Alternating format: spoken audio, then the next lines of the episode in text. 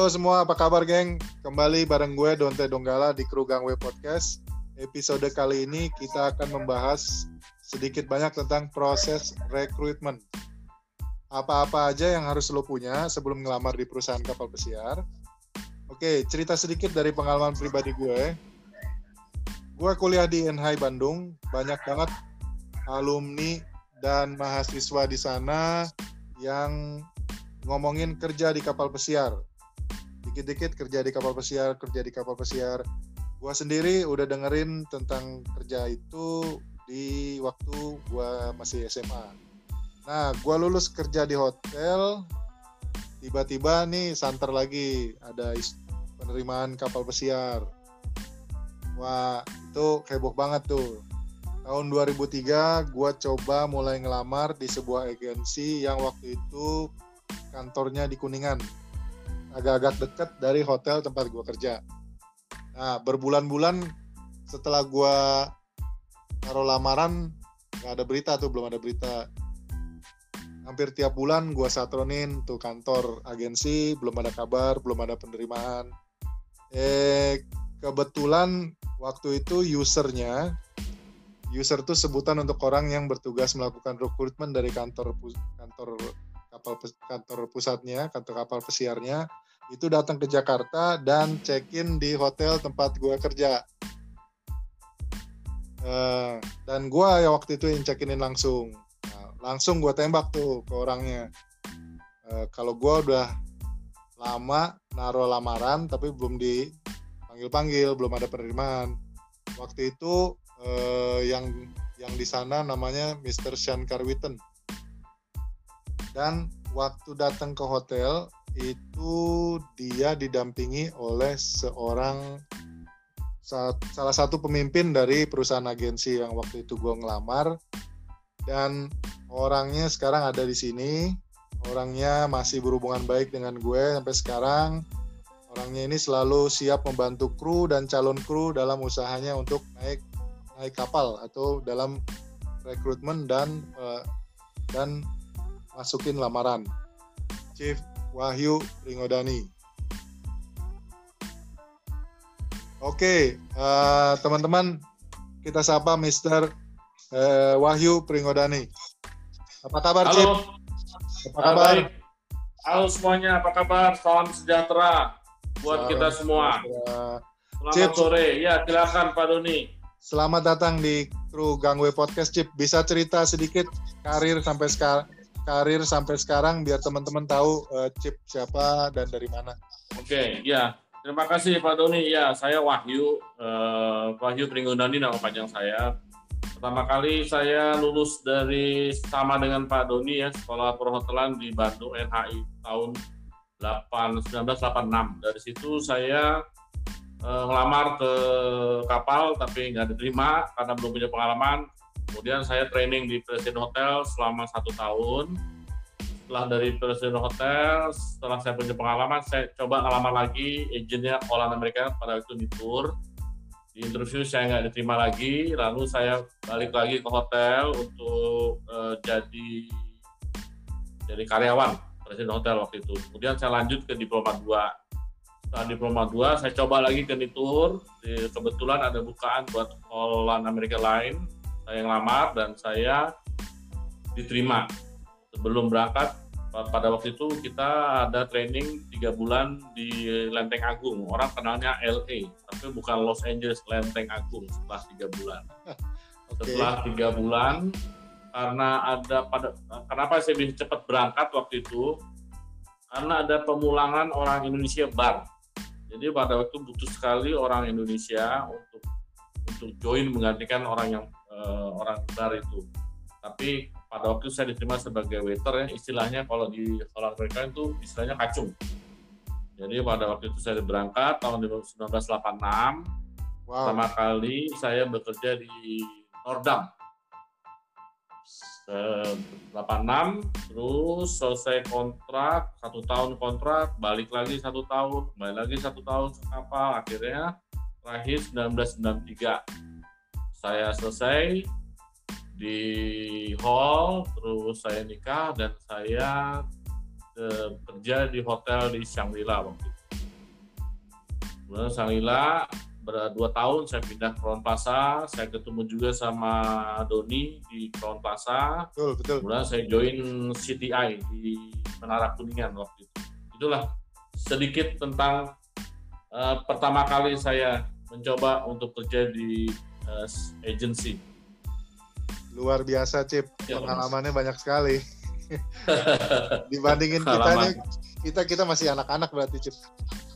Cip dari puluhan gitu Kip, ngomong tentang rekrutmen. Ya.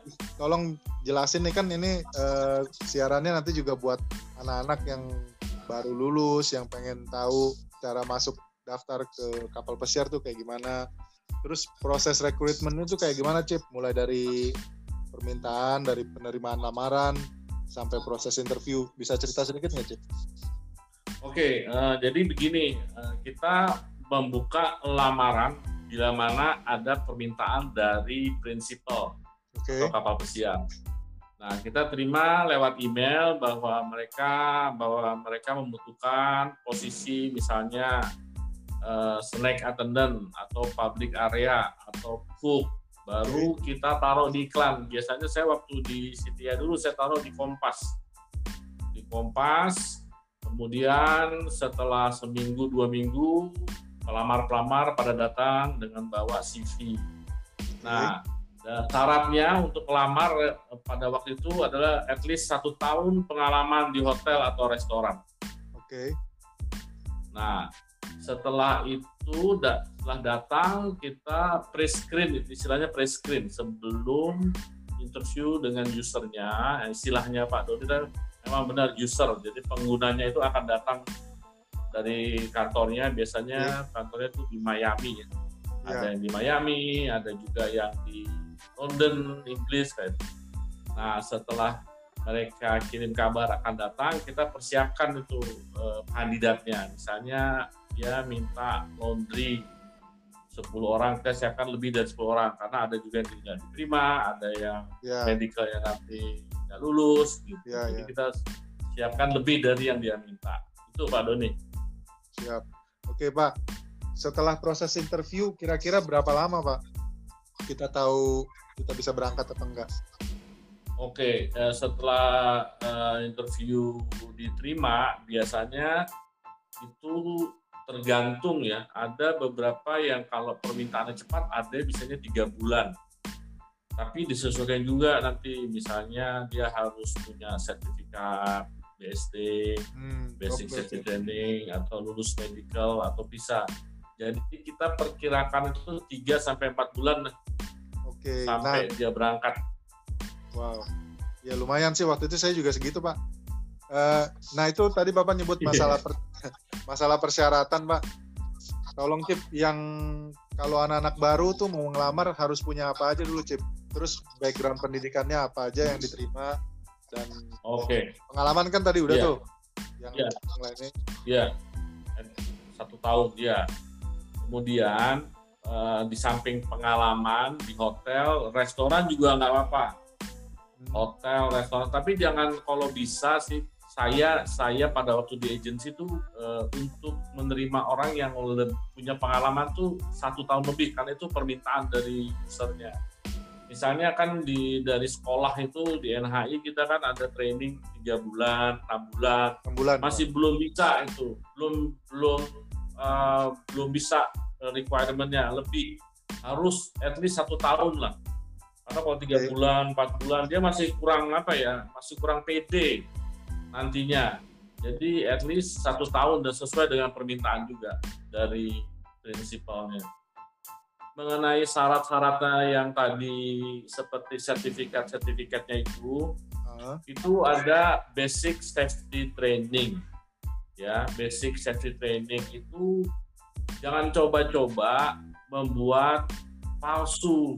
Jadi pada waktu uh, ikut uh, mengambil sertifikat harus ikut training. Nah basic itu trainingnya 8 hari. Biasanya okay. waktu itu ya sekarang katanya sih sudah lewat zoom tapi waktu itu sudah Eka harus ikut training. Trainingnya tuh biasanya dari hari Senin sampai hari Senin. Sabtu Minggu dia praktek, praktek. jadi Senin sampai Jumat teori.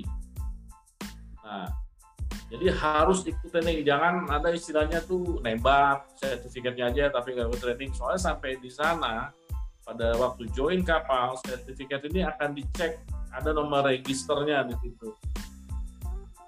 Bisa pulang itu kalau palsu itu. Ketahuan pak ya? Ketahuan banget. Ketahuan, pasti ketahuan itu, pasti ketahuan. Oke pak. Terus ada ada ini nggak pak? Uh, minimum atau maksimal minimum maksimal umur penerimaan karyawan baru. Terus uh, fisik badan tuh harus kayak gimana pak? Eh pakai tato boleh nggak? Dulu dulu saya waktu okay. ada satu satu perusahaan chip yang yang nggak okay. boleh karyawannya punya jerawat waktu baru iya. masuk. Iya, yeah. iya, yeah. betul, betul. Jadi mengenai tadi kan uh, Pak Doni kan hanya tato. Tato tuh tergantung uh, kapalnya juga. Kalau misalnya Disney, Disney itu nggak boleh punya tato yang visible. Tapi kalau tatonya invisible bisa. Tapi ada sekarang ini yang tahun ini nggak salah atau awal tahun tahun inilah ada satu perusahaan kapal yang tato boleh, indik boleh, itu bisa itu. Uh, tapi umumnya yang yang saya tahu dan 90 persen lah itu nggak boleh tatoan. Nggak boleh, Pak. Ya? Nggak boleh tatoan. Tindik juga nggak boleh. Terus uh, untuk untuk badan itu harus berbadan sehat karena di kapal kan kerjanya berat. Jadi kalau misalnya tidak sehat itu kasihan juga nanti anaknya di kapal. Jadi pada waktu dia berangkat dia itu harus harus lulus medical check up-nya. Medical check up juga berat. Ada beberapa yang harus dites kalau misalnya nggak lulus mereka nggak berangkat. Walaupun sudah punya visa sudah punya job letter itu tetap nggak bisa berangkat. Medicalnya harus lulus. Dan fasilitas medicalnya sudah ditentukan oleh perusahaan kapal. Standarnya jadi nggak bisa ada, kita kenapa? Standarnya udah ada berarti? Ya sudah ada. Dan uh, tempat-tempatnya juga ditentukan dari dari perusahaan kapalnya. Jadi nggak sembarang kita bisa ke sana ke sini Ya. Biasanya satu perusahaan tuh sudah ada tempat untuk medicalnya. Ya. Itu Pak. Betul. E, kalau nggak salah juga ada cowok mau cewek mau cowok harus bisa ngangkat berbeban sebesar kalau nggak salah 20 kiloan ya sendiri tanpa 20 dibantu. 20 lbs ya betul betul betul betul. betul. Jadi kalau nggak bisa ya maaf maaf. Iya. Kayak jangan. Nggak ya. bisa jangan ya. Uh, ini yang paling banyak ditanya Cip kalau ya. berapa sih biaya yang harus disiapkan sebelum untuk naik kapal itu berapa? Oke. Okay. Saya, ke ke situ dulu tadi kan Pak Doni nanya maksimal ya. Maksimal umur sebetulnya oh. tidak ditentukan. Jadi nggak ada batasan, tapi dapat apa eh, biasanya tuh according to kesehatan umur yang misalnya di atas 45 itu kan medicalnya riskan untuk pada waktu pre-screen. Ya. Jadi umurnya itu batasan tergantung posisinya. Kalau saya pernah memberangkatin CDP, umurnya 43, 44 oke okay juga. 45 oke okay juga kalau CDP. Saya juga pernah memberangkatin pastry chef. Umurnya sekitar hampir 50 bisa juga. Cuman kalau posisi yang front front guest kayak waiter itu berkisar antara 32 33 bisa masih bisa itu. Dan berbadan sehat. Ya. Tidak buta warna. Nah, itu. Ya, ya. Cip. Nah, mengenai biayanya Pak uh, Doni ya, biayanya itu tergantung tergantung perusahaan kapalnya. Ada beberapa perusahaan kapal yang tiketnya tuh di provide sama perusahaan. Misalnya Disney itu di provide sama perusahaan kapal. NOUK itu ditanggung sama perusahaan kapal. Jadi saya nggak bisa bilang semuanya dibayarin atau ada enggak. Jadi ada beberapa yang ditanggung sama perusahaan kapal. Gitu Pak. Oke Pak. Mengenai mengenai umur Pak, ini ini bukti Pak. Dulu yeah ada stewardess stewardess di kapal saya umurnya 60 pak tapi kerjanya masih oh, iya iya iya, iya. masih, itu masih kuat iya iya tapi umurnya biasanya udah... biasanya nih eh, Pak Doni sorry yang biasanya umurnya 60 tuh biasanya repeater dia kalau yang mau hire Ya, mungkin enggak. Iya, iya. Dia iya. udah berkali-kali naik bukan ya. baru, ya. Iya. baru. Iya, betul, betul. Betul. Ah, Dan kenapa dan ini Pak Doni maaf saya mau nambahin kenapa Oh, siap. umumnya harus minimum 21 karena ada peraturan di IMO itu bahwa orang yang bekerja di kapal itu harus di atas umur 20 karena nanti kalau dia kerja di bar dia di bawah 20 tidak boleh jual minuman. Jadi dengan batasan umur itu makanya disamaratakan minimal 21. Terus gini Pak, saya saya pernah pernah saya nyaksin sendiri nih. Kadang kadang pas interview ada yang saya pikir oh ini pengalaman Inggrisnya bagus, tapi justru nggak lolos Cip. Itu ada nggak sih sebenarnya tips trik apa hal-hal yang benem, yang dicari dari dari user itu yang dilihat dari calon pelamar itu Pak? Kadang-kadang Iya, benar, benar. Itu juga sebetulnya tuh tergantung person orang yang interview. Jadi nggak nggak bisa disamaratakan perusahaannya ini. Ada juga, saya juga punya pengalaman Inggrisnya bagus, tapi dia kok nggak diterima. Nah itu. Ada juga yang Inggrisnya pas-pasan diterima. Saya juga nggak bisa. Ini tergantung yang interviewnya sebenarnya. Tapi yang jelas, yang saya tangkap dari usernya, dia bahasa Inggrisnya bagus saja dia bisa komunikasi. Pada waktu interview dia harus percaya diri. Dia juga harus bisa menceritakan posisi apa yang dia lamar. Misalnya misalnya pertanyaan gini what what position you apply? I like to apply as a steward. What is your responsible as a steward? Nah dia harus ngejelasin tuh. Kalau nggak kalau nggak bisa ngejelasin berarti ini anaknya belum punya pengalaman nih. Ya. Jadi nanti eh, kalau kalau di kapal Holland America Line kayaknya nggak apa-apa karena dia ada training tiga bulan di Cikarang. Tapi kalau kapal-kapal yang pernah saya pegang Carnival misalnya, itu butuh orang yang punya pengalaman at least satu tahun. Pada waktu dia na- naik kapal dia udah nggak diajarin lagi karena naik kapal hari itu hari itu kerja nggak ada training lagi betul. kecuali Holland America Line. Sebelum dia masuk kapal dia harus training. Misalnya housekeeping, misalnya laundry. Misalnya contohnya nih di Carnival aja yang karena saya kapalnya megangnya banyaknya Carnival ya. Laundry. Laundry itu dia itu sampai di kapal dia itu harus sudah kerja. Misalnya masuk di kapal jam 10, jam 12 dia langsung kerja. Kalau dia nggak bisa kapal dia harus diajarin lagi. Jadi kalau nggak kalau diajarin lagi ya harus ngabisin waktu yang lainnya yang untuk ngajarin lagi kemudian pekerjaannya udah banyak jadi ya mereka umumnya mintanya yang sudah punya pengalaman at least satu tahun That's why.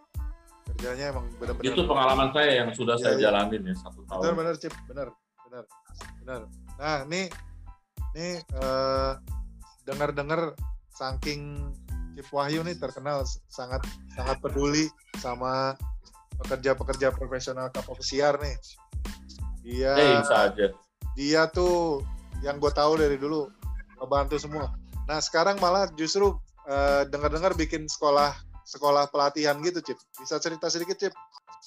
oh iya benar oke terima kasih nih Eh, disinggung juga iya saya eh, dengan beberapa teman yang dulu pernah berangkat ke kapal mereka ada beberapa ex celebrity yang gabung di sini me- mendirikan se- kursus lah bisa dikatakan kursus atau lembaga pendidikan pelatihan ke kapal pesiar atau ke hotel. Jadi kita di sini alamatnya di Jurang Mangu. Kita mendirikan LPK untuk ke kapal pesiar. Jadi karena karena begini karena pandemi ini banyak kapal pesiar kan nggak berjalan, banyak orang mau ngelamar, tapi kan nggak ada yang buka agennya atau mungkin lama. Jadi kita siapkan dulu krunya di sini. Dan dan eh, se- selama dia pendidikan di sini kita juga punya hubungan dengan orang-orang yang bekerja di hotel. Dan umumnya mereka juga ex kapal jadi Oke. enak gitu kalau kita Oke. datang. Oh ya silakan silakan. Kita diterima. Kayak kemarin kita ke Intercon Teman kita yang eh, yang sekolah yang punya sekolah ini juga pernah kerja di Kepinski dan teman-teman kita yang di Carnival juga ada punya perusahaan catering. Jadi kita kirim ke sana. Jadi selama pendidikan ada yang sambil kerja sebagai daily worker, ada yang kerja sebagai part timer dan lumayan mereka gaji per, per hari karena pandemi ini banyak juga hotel yang yang sepi. Jadi kita nggak seperti beberapa bulan yang lalu lah. Ya. Masih banyak hotel yang minta daily worker. Jadi ya kita kita apa brief sama kandidat ini asal sabar aja selama di sini. Tapi tapi mereka juga punya kesibukan dan mendapatkan pendapatan per hari ya selama ada permintaan dari hotel. Jadi yang yang yang di sini tuh mereka ada yang kerja di catering, ada yang kerja di hotel. Ya, jadi jadi eh, selain pelatihan disediakan tempat tempat training dan tempat kerja juga, Pak. Luar biasa sekali itu, Pak. Iya, ya, tempat kerja selama membutuhkan ya, selama membutuhkan uh, untuk training ya, atau ya, ya, ya, kerjasama lah ya maksudnya. Ya, dan iya kerjasama lah, iya kerjasama. Biasanya di bucket waiter. Nah kemudian gini Pak Doni, uh, saya mau jelasin uh, selama belajar di sini yang kita latih bagaimana apa itu uh, service of sequence. Okay. Bagaimana nanti pada waktu kalau sudah dapat bekerja di kapal. Terus juga uh, brief soal attitude, banyak juga soalnya pengalaman saya. Bahasa Inggrisnya bagus, pengalamannya banyak, tapi attitude-nya nggak bisa dia karena bahasa Inggrisnya udah bagus. Biasanya bahasa Inggrisnya bagus, dia tuh ngomongnya banyak gitu, komplainnya banyak. Yeah. Nah itu yang kita nggak mau. Iya, yeah, iya. Yeah. Terlalu terlalu cerewet juga nggak bagus, Cip ya. Iya. Too much talking katanya Pak Iya. Too much bla bla man. Luar itu, biasa, Pak. Cip. Luar biasa. Itu namanya sesama anak kapal saling membantu dan bahkan saling membantu yang belum naik kapal, Cip. Luar biasa sekali itu, Cip. Iya benar, Pak. Kita kan sharing pengalaman. Jangan sampai nanti bahasa Inggrisnya bagus, baru dua minggu udah dipulangin Iya, Bahasa iya. Kan sayang itu kan dia kan karirnya kayak kan bisa kayak Pak Doni dari dari bawah itu loh. Bisa sampai sekarang itu karena apa? Karena attitude. Banyak orang yang pintar tapi attitude-nya kan nggak bagus. Betul. Betul, betul. Ya, dan dan kerja di kapal itu ya mungkin orang-orang mikirnya enak aja, duitnya banyak jalan-jalan, tapi bukan bukan main pekerjaannya di sana.